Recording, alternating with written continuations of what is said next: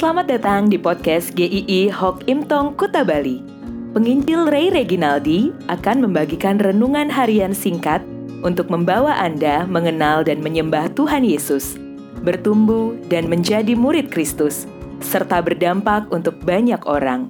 Jika Anda merasa diberkati melalui renungan ini, silahkan bagikan podcast ini agar orang lain juga diberkati. Inilah renungan hari ini.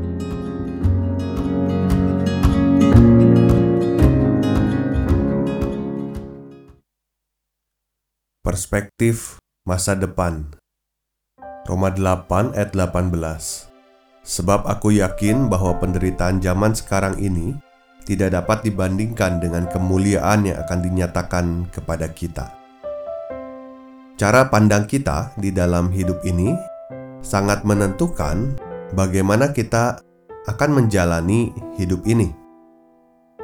Ada orang yang menjalani hidup ini dengan perspektif masa lalu masih terjebak dengan memori-memori kejayaan yang mungkin sudah sulit untuk dinikmati lagi pada saat ini. Saat menghadapi penderitaan, hidupnya menjadi semakin terpuruk. Mencoba menggapai kejayaan masa lalu yang tidak bisa digapai lagi, dan kesulitan untuk menerima kenyataan di hari ini. Tetapi Orang percaya seharusnya hidup dengan perspektif masa depan, yaitu perspektif kekekalan bersama dengan Tuhan. Rasul Paulus mengatakan, "Sebab aku yakin."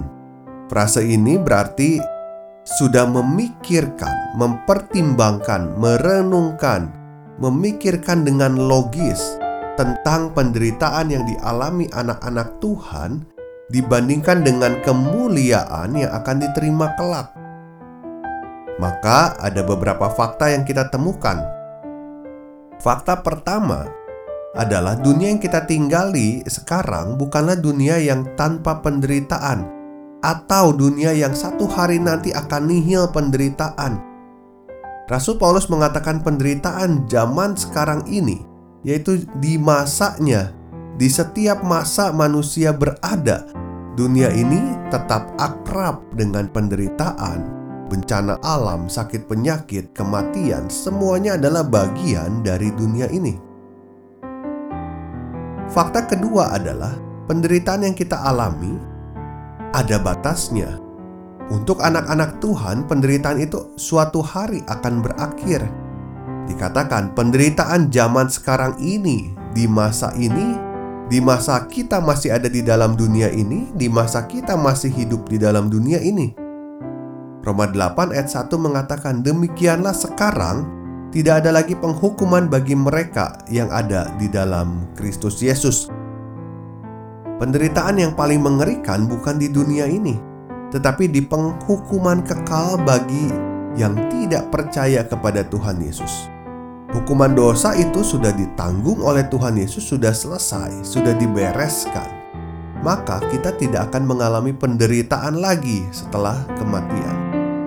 Fakta ketiga adalah kita akan menikmati kemuliaan yang menakjubkan. Sampai-sampai Rasul Paulus mengatakan penderitaan zaman sekarang tidak dapat dibandingkan dengan kemuliaan yang akan dinyatakan. Perhatikan memakai kata penderitaan itu menunjukkan suatu kesusahan yang begitu menyakitkan. Tetapi itu semua tidak ada apa-apanya dibandingkan dengan kemuliaan yang akan dinyatakan kelak.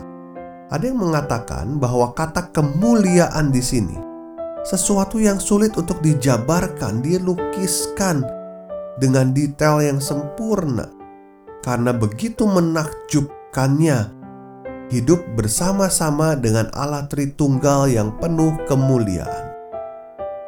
Hidup kita pasti akan bersentuhan dengan berbagai masalah, baik itu masalah keluarga, pekerjaan, sakit di dalam pelayanan, dan lain-lain. Mari tetap menatap dengan penuh pengharapan pada kemuliaan yang menantikan kita. Kita hidup berdasarkan perspektif kekekalan ubahlah perspektif Anda bahwa keadaan ini sudah berubah. Hidup kita tidak selalu sama. Kejayaan masa lalu sudah lewat. Mungkin kita tidak bisa menggapainya lagi hari ini. Mungkin kesehatan sudah mulai melorot. Pekerjaan tidak sebagus dulu.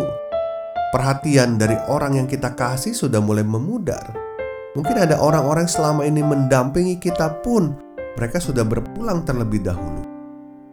Tapi tataplah di depan ada kehidupan yang begitu indah bersama dengan Allah yang tidak dapat dibandingkan dengan semua penderitaan yang kita jalani hari ini. Maka kita akan menjalani hari dengan terus berpengharapan kepada Tuhan. Melangkahlah terus ke depan bersama dengan Tuhan sampai kita berjumpa dengannya muka dengan muka. Tuhan memberkati.